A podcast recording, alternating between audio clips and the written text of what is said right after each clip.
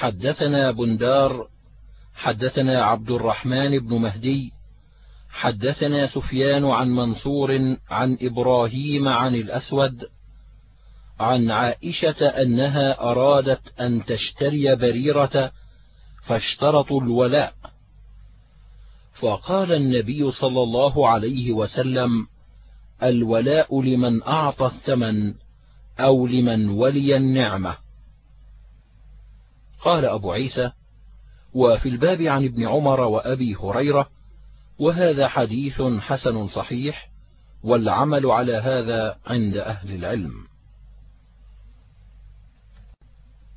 حدثنا ابن أبي عمر حدثنا سفيان بن عيينة حدثنا عبد الله بن دينار سمع عبد الله بن عمر أن رسول الله صلى الله عليه وسلم نهى عن بيع الولاء وعن هبته. قال أبو عيسى هذا حديث حسن صحيح لا نعرفه إلا من حديث عبد الله بن دينار.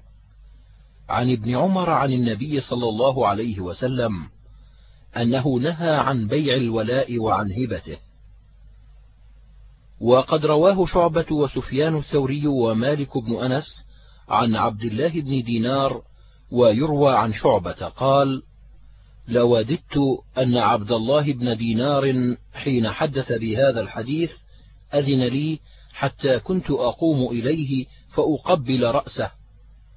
وروى يحيى بن سليم هذا الحديث عن عبيد الله بن عمر عن نافع عن ابن عمر عن النبي صلى الله عليه وسلم وهو وهم وهم فيه يحيى بن سليم والصحيح عن عبيد الله بن عمر عن عبد الله بن دينار عن ابن عمر عن النبي صلى الله عليه وسلم هكذا رواه غير واحد عن عبيد الله بن عمر. قال أبو عيسى وتفرد عبد الله بن دينار بهذا الحديث. حدثنا هناد حدثنا أبو معاوية عن الأعمش عن إبراهيم التيمي عن أبيه قال: خطبنا علي فقال: من زعم أن عندنا شيئا نقرأه إلا كتاب الله وهذه الصحيفة. صحيفة فيها أسنان الإبل وأشياء من الجراحات فقد كذب. وقال فيها قال رسول الله صلى الله عليه وسلم المدينة حرام ما بين عير إلى ثور فمن أحدث فيها حدثا أو آوى محدثا فعليه لعنة الله والملائكة والناس أجمعين لا يقبل الله منه يوم القيامة صرفا ولا عدلا. ومن ادعى إلى غير أبيه أو تولى غير مواليه فعليه لعنة الله والملائكة والناس أجمعين لا يقبل منه صرف ولا عدل وذمة المسلمين واحدة يسعى بها أدناهم. قال أبو عيسى: وروى بعضهم عن الأعمش عن إبراهيم التيمي عن الحارث بن سويد عن علي نحوه. قال أبو عيسى: هذا حديث حسن صحيح وقد روي من غير وجه عن علي عن النبي صلى الله عليه وسلم حدثنا عبد الجبار بن العلاء بن عبد الجبار العطار وسعيد بن عبد الرحمن المخزومي قالا حدثنا سفيان عن الزهري عن سعيد بن المسيب عن أبي هريرة قال جاء رجل من بني فزارة إلى النبي صلى الله عليه وسلم فقال: يا رسول الله، إن امرأتي ولدت غلاما أسود. فقال النبي صلى الله عليه وسلم: هل لك من إبل؟ قال: نعم.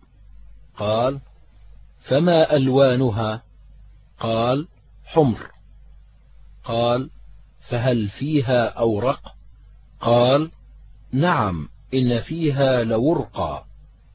قال أنى أتاها ذلك؟ قال لعل عرقا نزعها. قال فهذا لعل عرقا نزعه. قال أبو عيسى هذا حديث حسن صحيح.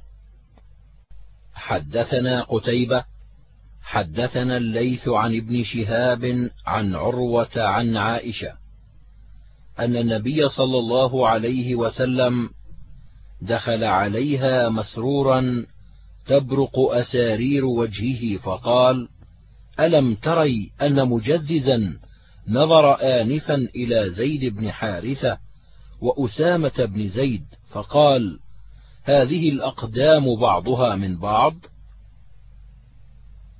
قال أبو عيسى هذا حديث حسن صحيح وقد روى ابن عيينة هذا الحديث عن الزهري عن عروة عن عائشة وزاد فيه ألم تري أن مجززا مر على زيد بن حارثة وأسامة بن زيد قد غطيا رؤوسهما وبدت أقدامهما فقال إن هذه الأقدام بعضها من بعض؟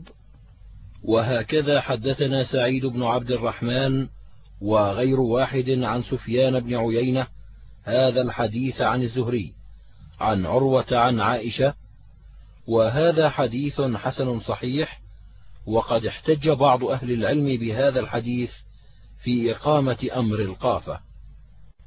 حدثنا أزهر بن مروان البصري حدثنا محمد بن سواء حدثنا أبو معشر عن سعيد عن أبي هريرة عن النبي صلى الله عليه وسلم قال تهادوا فإن الهدية تذهب وحر الصدر ولا تحقرن جارة لجارتها ولو شق فرس نشأت. قال أبو عيسى هذا حديث غريب من هذا الوجه وأبو معشر اسمه نجيح مولى بني هاشم وقد تكلم فيه بعض أهل العلم من قبل حفظه. حدثنا أحمد بن منيع حدثنا إسحاق بن يوسف الأزرق حدثنا حسين المكتب عن عمرو بن شعيب عن طاووس عن ابن عمر أن رسول الله صلى الله عليه وسلم قال: مثل الذي يعطي العطية ثم يرجع فيها كالكلب أكل حتى إذا شبع قاء ثم عاد فرجع في قيئه. قال أبو عيسى: وفي الباب عن ابن عباس وعبد الله بن عمرو.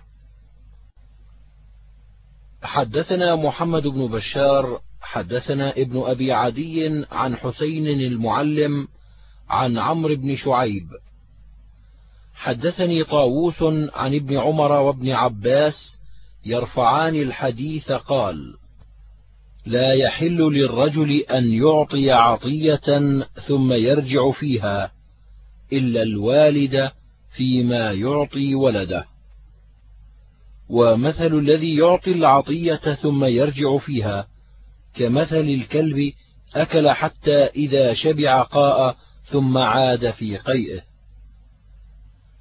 قال أبو عيسى: هذا حديث حسن صحيح.